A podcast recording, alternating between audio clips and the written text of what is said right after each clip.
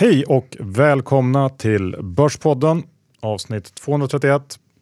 Idag spelar vi in på måndagen John, tidigt på morgonen eh, den 22 januari. För du har av någon konstig anledning ännu en gång blivit inbjuden till Carmignacs årliga mega-event. Ja, det skulle bli väldigt kul att få dra till Paris några dagar och slippa den eh, tråkiga börsen, kanske komma tokladdad till rapportperioden. Mm, jag funderar varje år på varför de vill ha det där. Kanske är det för att de vill tala dig till rätta. Ja, eller för att jag är så bra på att dricka Johan. Kan vara det också. Vi har en huvudsponsor i IG Markets och eh, Erik eh, har varit här igen. Vi har frågat honom hur han använder TA. Lyssna här. Ja, jag använder teknisk analys mest för att uh, studera de kortsiktiga rörelserna i marknaden. Uh, en aktie förändras ju oavsett om något fundamentalt har förändrats i bolaget eller inte. Så det är de här kortsiktiga rörelserna som man försöker fånga upp med, med teknisk analys. Och det handlar ju om att uh, studera utbud och efterfrågan. Eh, teknisk analys eh, kan man ju till exempel uh, använda sig av när man loggar in på, på IGs plattform. Uh, vi har de mest populära indikatorerna uh, i webbplattformen. Använder man sig av Pro Realtime så kan man bygga egna indikatorer. Man kan screena efter olika säsongsmönster och lägga olika spreadar och så vidare för att studera marknaden utifrån ett tekniskt perspektiv. Tack för det Erik. Det var ju bra råd. Ta och ladda ner appen och följ Erik så får ni de här tipsen hela tiden. Så är det. Vi är också sponsrade av Trine. Investera i ren och fin solenergi, var med och hjälp till eh, och ge folk elektricitet och tjäna pengar samtidigt. Det låter väl bra John? Ja, det tycker jag för att jag har faktiskt investerat mina egna pengar där. Ja, just nu finns det två spännande projekt i Kenya öppna för investeringar. Gå in på börspodden.se trine för att ta reda på mer. Vad pratar vi om idag? Ja, men idag kommer vi prata om den kommande rapportperioden. Vi kommer också prata lite om alla dina skidresor, Johan. Mm. För det är ju kul att få en rapport från en av eh, de äldsta snowboardarna som finns där ute. Det är ju veterantouren som har startat. Så är det. Nu kör vi igång.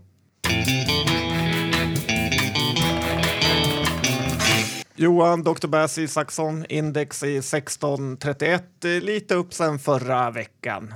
Ja, men börsen har ändå pausat eh, lite grann eh, efter den här ursinniga uppgången som inledde året och vi är ju också i inledningen av rapportsäsongen och det måste väl levereras rätt bra rapporter för att driva på det här från redan höga nivåer är min känsla. Eh, och den känslan kan väl säga har, har väl förstärkts eh, när man har sett hur hårt eh, många av de bolag som går ut med eh, vinstvarningar har straffats. Eh, och I slutet av den här veckan så kommer några av eh, de riktiga tungviktarna att presentera sina Q4. Eh, Atlas bland annat, Nordea med mera. Så då får vi väl se lite grann. Det blir, blir en spännande avslutning på veckan.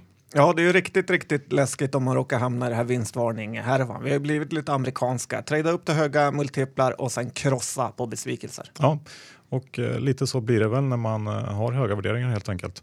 Men eh, i USA är det också eh, den här government shutdown på tapeten ehm, och även om den här typen av händelser ofta eh, slutar med att det är icke-händelser eh, och dessutom så bleknar ju, ju det här tycker jag i jämförelse med mycket av vad som hänt i USA de senaste åren.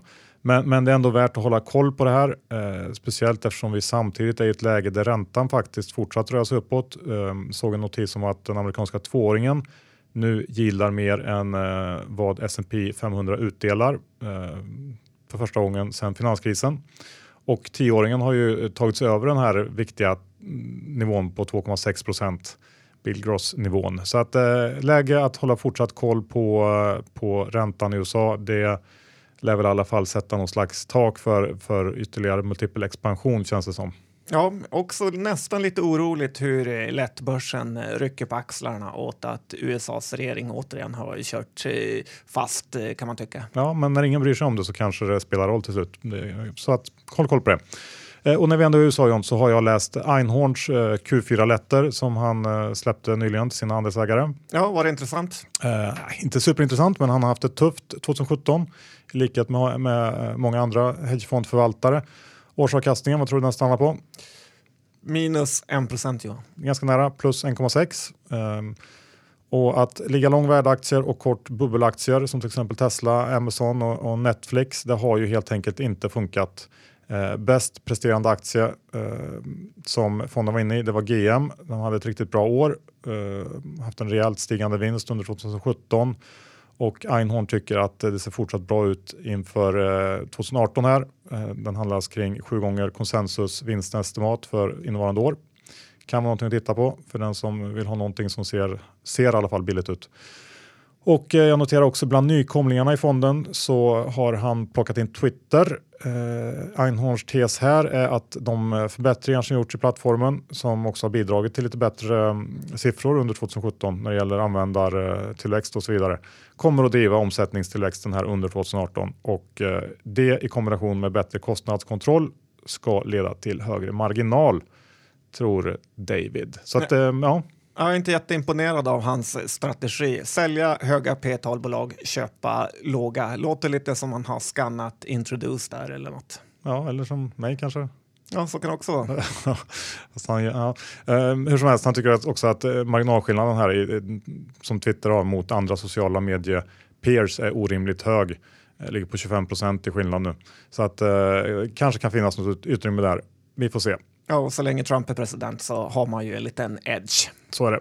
John, elbilar, självkörande bilar, det är någonting som du alltid tycker något om? Ja, och efter min USA-tripp här måste jag säga att jag är ännu mer negativ eh, till båda de här än jag kanske någonsin varit.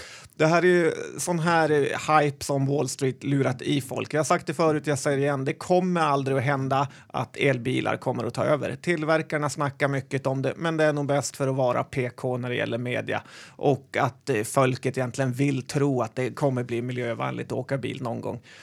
Eh, men om jag måste välja att dissa något mest av elbilar eller självkörande bilar så tar jag ändå självkörande bilar.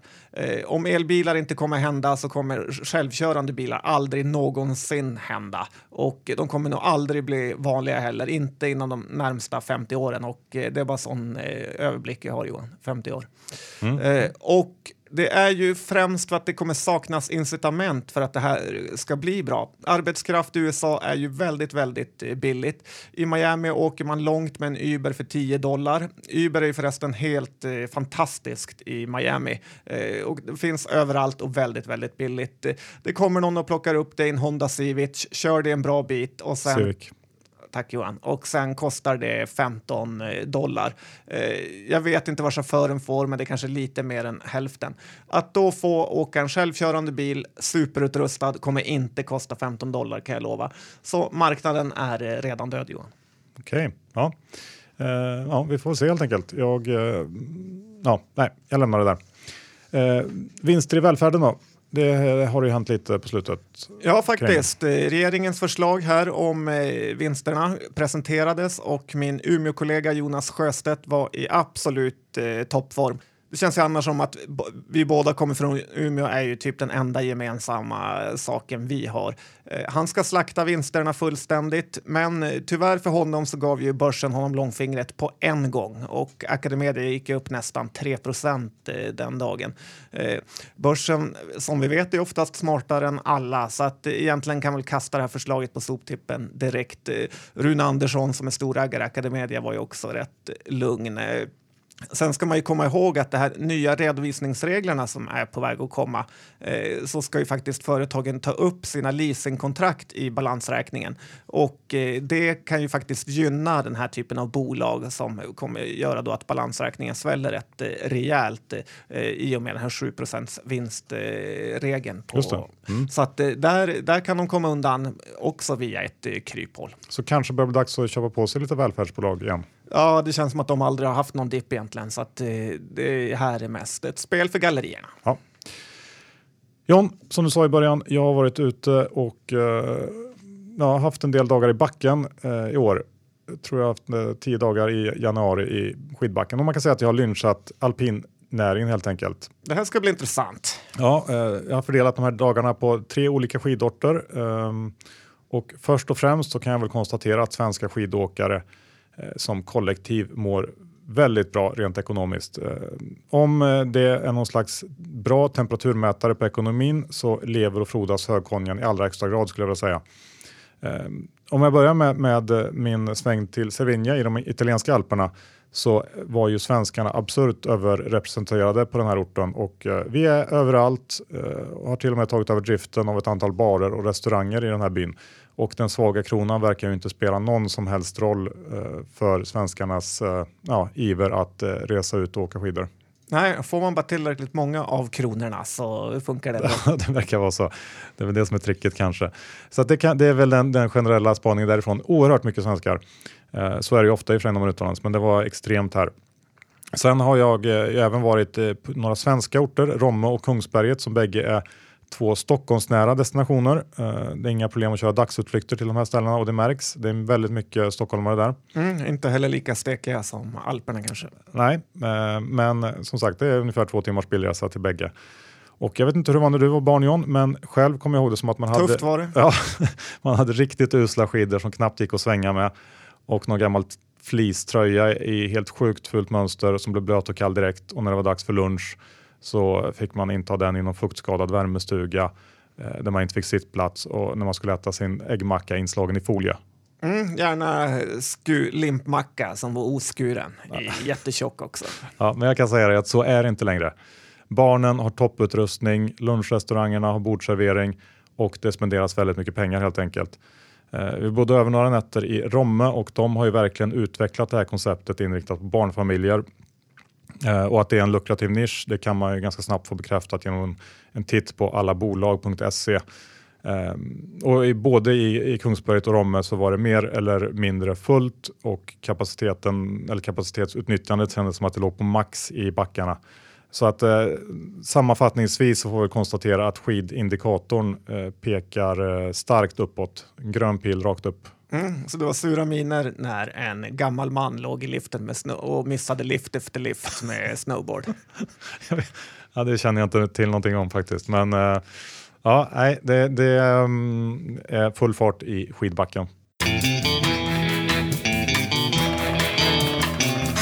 Vi har ju glädjen idag att välkomna Tessin tillbaks som sponsorer av Börsrådpodden. Jonas är här med oss och eh, vad har hänt sen sist? Det har ju varit en hel del eh, krisrubriker i media. Hur ser det ut för er? Ja, men det ser bra ut. Eh, december var återbetalningsrekord. Det återbetalades 70 miljoner med eh, inklusive avkastning då. Ehm, sen har det varit lite skakigt på bostadsmarknaden under, under hösten, helt klart. Ehm, och det, man, det, man, kan se hos oss är att investerarna kanske kräver lite mer av projektutvecklarna. Uh, man vill ha bättre säkerheter, man är lite noggrannare i hur marknaden ser ut. Har man försålt någonting? Så, att, så att det har hänt mycket, men vi har fyllt upp Eh, alla bostadscase senaste veckorna också. Så att det finns en väldigt eh, stark bostadsmarknad fortfarande.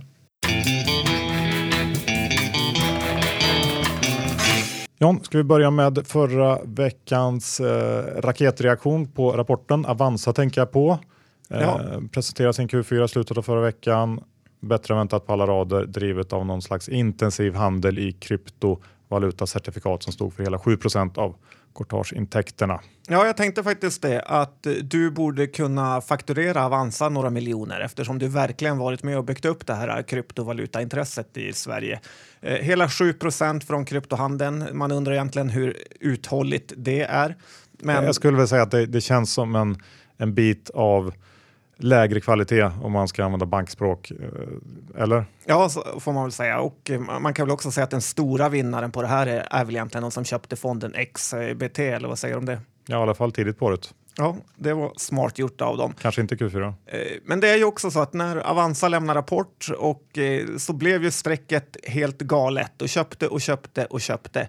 Eh, det roliga var ju att för bara tre månader sedan när de lämnade sin rapport för Q2 så slaktade ju strecket aktien och då var den nere i under 300 faktiskt. Jag köpte lite då på 300 som jag sen sålde på 303 Johan. Man är ju långsiktig. Eh, men det är ju sånt här som gör att det alltid kommer finnas eh, stora möjligheter inom trading oavsett vad alla säger. Eh, dessutom så börjar man ju förstå varför Avanza bjöd på avsmakningsmeny på Hillenbergs till julbord medan Nordnättarna fick äta buffé presenterad av von Lidls vitryska julskinka.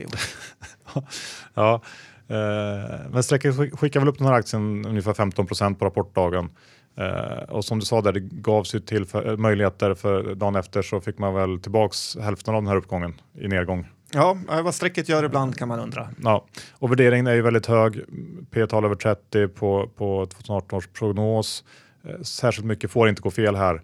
Många lyfter ju fram potentialen i Avanzas räntenetto, men ja, om vi då skulle få lite högre räntor. Men jag gissar ändå att de negativa effekterna av en högre ränta eh, som, som de skulle få på börs och börsriskaptit mer än väl skulle offsätta den här positiva effekten. Så att eh, det känns lite som något slags, eh, jag vet inte om det är så mycket hoppas på högre räntor för Avanza. Nej, men man kan väl säga att Avanza är ett bra bolag. Det är bara är det. frågan vad man ska värdera det till. Absolut, jag håller med. Eh, vi hade ju lite vinstvarningar förra veckan också.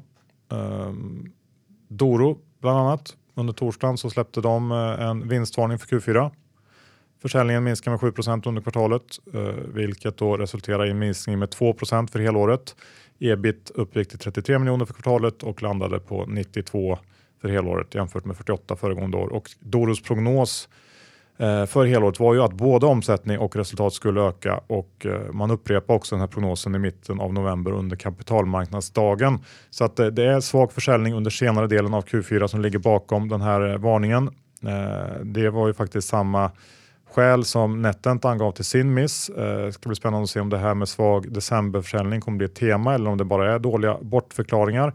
Ehm, I övrigt så fanns ju den viktiga orderingångssiffran inte med i, i vinstvarningen från Doro så att eh, vi får vänta på, på eh, den riktiga rapporten i mitten av februari för att få lite mer information om det här.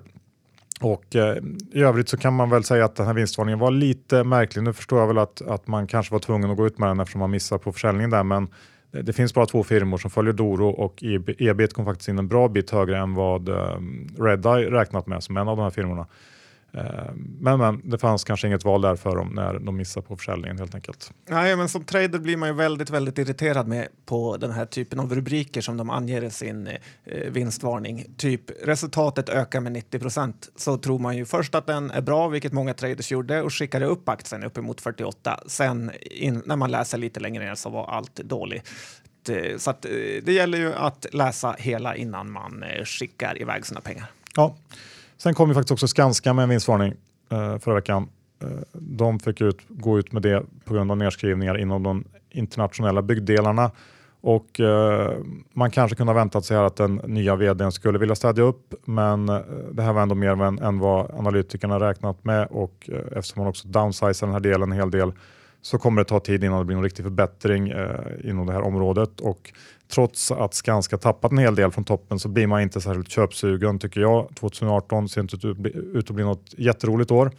Och eh, även om eh, bolaget allt annat lika kan börja förbättra sig efter det så har vi faktiskt en, eh, en historisk lång cykel att ta hänsyn till och eh, ja, det, det känns inget kul. Nej, återigen får man väl ge Lundberg rätt som eh, vill eh, bli av med den internationella delen. Verkligen. Skanska har ju dessutom sparkat ut en stor del av ledningsgruppen vilket också känns lite svajigt. Jag har inte vdn som heter Johan Karlström eller något liknande med. Ja, han är utbytt. Mm, grattis. Ja. John, Byggmax har du tittat på? Ja, det har jag gjort eh, och det, de skriver ju ner, på tal om vinstvarningar, det här skånska byggvaror och aktien närmar sig 50-lappen. Eh, det här förvärvet börjar väl likna lite när Leeds köpte eh, Thomas Brolin, kommer jag att tänka på. Eh, hur Ratos sen kunde ta Byggmax vd efter det här visar ju också på hur mycket tur det gäller om du ska göra karriär. Mycket mer tur än skicklighet. Tyvärr brukar det också verkligheten hinna ikapp så att jag tror nog att det kommer ta ett tag innan Mr Agevald får ett nytt jobb. Han känns som att han hamnat ungefär i samma kylskåp som eh, Faxander. Eh, men vad gäller Byggmax så är det här bolaget intressant någonstans eh, om man är fyndköpare. Dock så har vi två usla kvartal framför oss eh, på bygghandeln nu när det är vinter och ja, byggs mycket mindre. Och nu när Byggmax också säger att de ska rikta in sig mot trädgård eh, så kommer de ju bli ännu mer eh, sommarberoende. Jag tycker de borde göra helt tvärtom och satsa på något som de kan tjäna pengar på under vintern. Det är idiotiskt att gå mot plantagenhållet, att eventuellt ta två bra månader på sommaren medan resten av året blir totalt kallt. Och Johan, kan du gissa på vem som köpte plantagen till Ratos som sin första affär? Ja, det var ju Agevall. Helt rätt. Mm. Okej, okay, ja, äh, vänta och se där då, helt enkelt. Ja. ja. Bergstimmer då, det är ju lite närliggande. Det är brädor i alla fall och sånt. Ja, precis. På torsdag kommer ju Bergstimmer med sin rapport och eh, det är ju lite av ett förhoppningsbolag jag har i portföljen. Lite kluven känner jag ju mig här i och med att det varnas så mycket för byggsektorn och man får väl ändå säga att Bergstimmer verkar här, eh, även om man får komma ihåg att timmerpriserna bestäms mycket internationellt. Eh, jag har tradat runt den här aktien i princip ja, på veckovis sen förra rapporten då jag kom in lite snett eh, om de nu skulle få ett så bra år som analytikern på Introduce tror så är ju faktiskt Bergs ett eh, fynd. Men det är inte direkt första gången som Introduce skulle ha fel om eh, det inte skulle stämma faktiskt. Eh, men jag väljer ändå att behålla de här aktierna jag har över rapporten så får vi se vad som händer. Även om, om man är smartare så ska man nog vänta till rapporten kommer innan man eh, bestämmer sig eh, och se om det har lossnat. Eh, utdelningen skiljs ju också av här så att eh, det kanske ger lite kudde, sa jag med losermentalitet. ja, jag har ganska dålig erfarenhet av de här timmerbolagen så att jag avvaktar nog.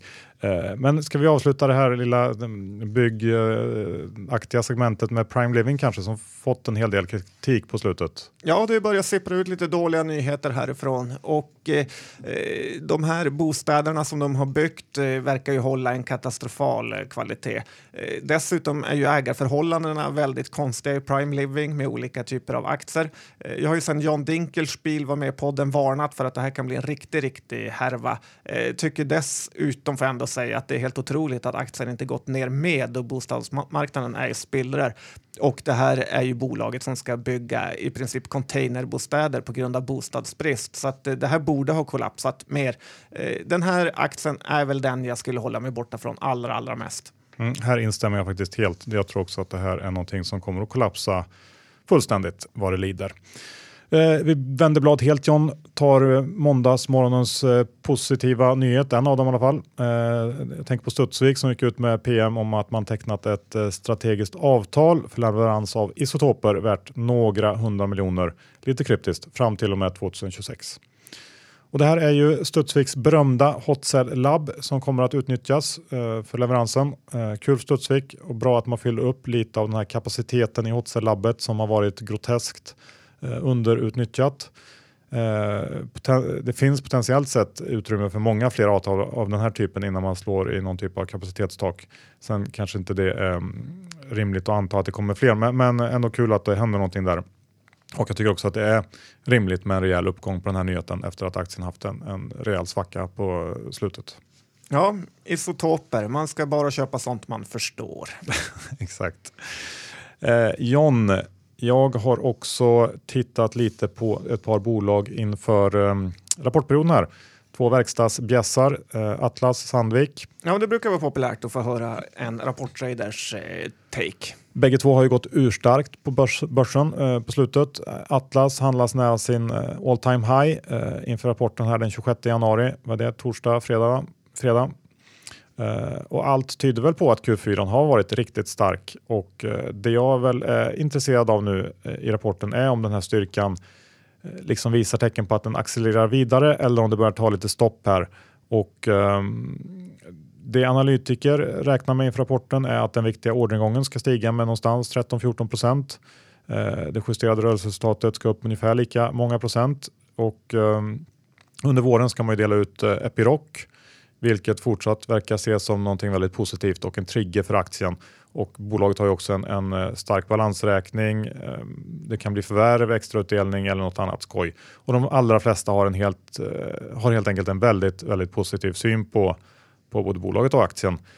Vilket man kanske måste ha givet att eh, värderingen är väldigt hög. Någonstans P23 på, på innevarande års prognoser. Mm. Men det här öppnar ju också upp för besvikelser, vilket väl är det jag lite grann hoppas på. Eh, och rapporten kommer mitt på dagen eh, på fredag och eh, jag tror att det kommer krävas eh, bättre siffror än, än konsensus för att eh, den här aktien ska hålla sig uppe under dagen. Så att minsta antydan till svaghet ska säljas här är nog min åsikt ändå. Ja, det kan ju bli en väldigt kul reaktion om den skulle visa sig svagare. Vi får se om december har svikit eller inte. Ja, och eh, lite kort om Sandvik bara. Den har ju också ballat ut totalt inför sin rapport eh, upp drygt 10% i år. Eh, den rapporten kommer 5 februari, men det är ju en aktie man kan eh, handla lite grann på Atlas rapport. Ehm, och här räknar väl analytikerna med liknande siffror gällande ordertillväxt som för Atlas. Den omtalade operationella hävstången ska också leda till stigande marginaler och Sandvik väntas prestera ett, ett riktigt starkt kvartal helt enkelt. Och eh, samma sak här. Eh, jag kommer leta efter svagheter i den här rapporten eh, för det får faktiskt inte finnas några alls. Eh, vi var inne lite kort på Metsos vinstvarning förra avsnittet och att varken Sandvik eller Atlas tog någon större notis om det på börsen. Kanske var rätt, men givet förväntningarna som indikerar strålande sol och molnfritt så känns det ändå som att det även här kan bli intressanta lägen. Låter som att du nästan kommer lägga på en liten blankarpåse eh, innan Känner jag dig rätt då? Ja, samtidigt så, så kan man ju inte, um, man måste ju hålla med om att uh, allting är ju upplagt för riktigt uh, starka kvartal så att det är också svårt att göra det men uh, man ska nog ha ändå det med i beräkningen att det, det, kan vara någon liten störning, någon produktionsmiss eller något sånt också som kan dra ner. Så att, uh, spännande blir det i alla fall. Ja, verkligen. Ja. John, du har kikat lite på ett par amerikanska bolag också. Under Armour, den forna stjärnan inom eh, vad ska man säga, sportretail som eh, har haft det tufft på slutet. Ja, och igår var det match mellan Southampton och eh, Tottenham. En besvikelse till match som blev 1-1. Såg du den? Nej. Jag skulle bli väldigt förvånad om det gjorde det. Men det som var mer intressant är ju att Under Armour är båda lagens eh, tröjtillverkare. Eh, de enda lagen de gör tröjorna för i Premier League. I USA skulle jag säga att eh, det känns nästan som att Under Armour är populär, populärare än Nike i vissa fall när man ser folk vara ute och joggar. Eh, och i det här området inom träningskläder så har de verkligen lyckats. Tyvärr har ju aktiekursen inte lyckats så bra för UA som den heter som eh, ticker. Den har tappat det här senaste året, alltså som har gått eh, från 52 dollar och är nu nere på 12 eh, dollar. UA har ju haft en enorm, eh, det har varit ett tillväxtcase, men nu när de i senaste rapporten minskade sin försäljning istället så brast det fullständigt för aktiemarknaden som eh, slaktade stackars UA. Och eh, just nu får man ändå säga att Under Armour egentligen inte gör någon vinst utan försöker ställa om och har tagit en hel del engångskostnader. Eh, det som är positivt för Under Armour fortfarande är att de växer mycket i Europa och Asien, men det är från väldigt låga nivåer jämfört med hur det ser ut i USA. Eh, nästan all eh, försäljning eh, sker ju där fortfarande ja, enorm skillnad. Jag tittade lite också nu när jag, på, i rapporten och de har ju inte jättefarligt med långfristiga skulder där så att eh, det ser ganska bra ut i balansräkningen. Jag får ändå en känsla av att amerikanerna har överreagerat lite här och det faktiskt kan vara ett eh, spekulativt köpläge på Under Armour kring 12-13 dollar. Smygköp på UA helt enkelt. Ja, eh, får vi följa upp. Ford också har du tittat på. Ja, det har jag gjort. Och eh, det här är en aktie som har gått, till skillnad från G då, eh, GM, eh, väldigt dåligt. Och eh, de här blev senaste veckan mosade på börsen. Eh, det är ju nästan omöjligt numera att tjäna pengar på eh, små bilar eftersom konkurrensen från japanska företag är ju väldigt Eh, tuff. Och utan, så att Ford har ju mer och mer blivit någon typ av pick-up-företag när det kommer till vinsten. Eh, det roliga med Ford är att de eh, funderar på att ge några av sina pickups dieselmotorer nu. Och för alla som inte vet så finns det typ inte diesel i USA, men där verkar de gå åt andra hållet. Värderingen på Ford har ju också stigit lite senaste tiden från under 10 till över 10 och det beror ju tyvärr då främst på att vinsten har fallit. Utdelningen är fortfarande fina 5% så aktien har ju något även om det verkar nästan helt omöjligt för Ford att lämna 12 dollars nivån. Mm, ja. Eh, spontant blir jag inte jättesugen av den pitchen som du kommer där. Nej, då ska du inte köpa heller.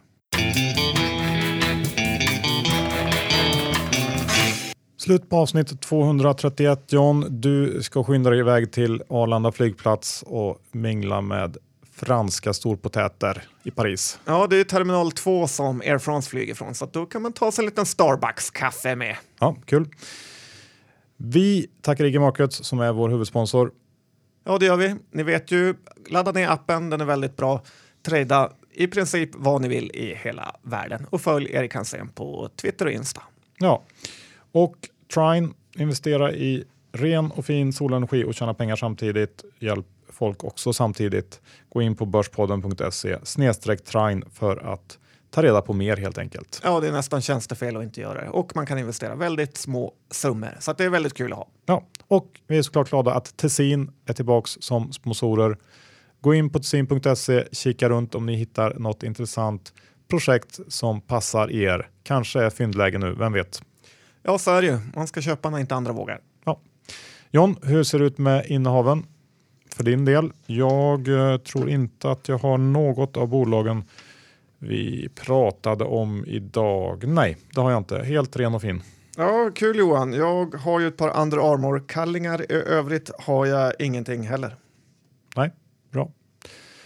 Då eh, tackar vi för det och eh, vi hörs om en vecka igen när rapportsäsongen är i full gång. Tack och hej!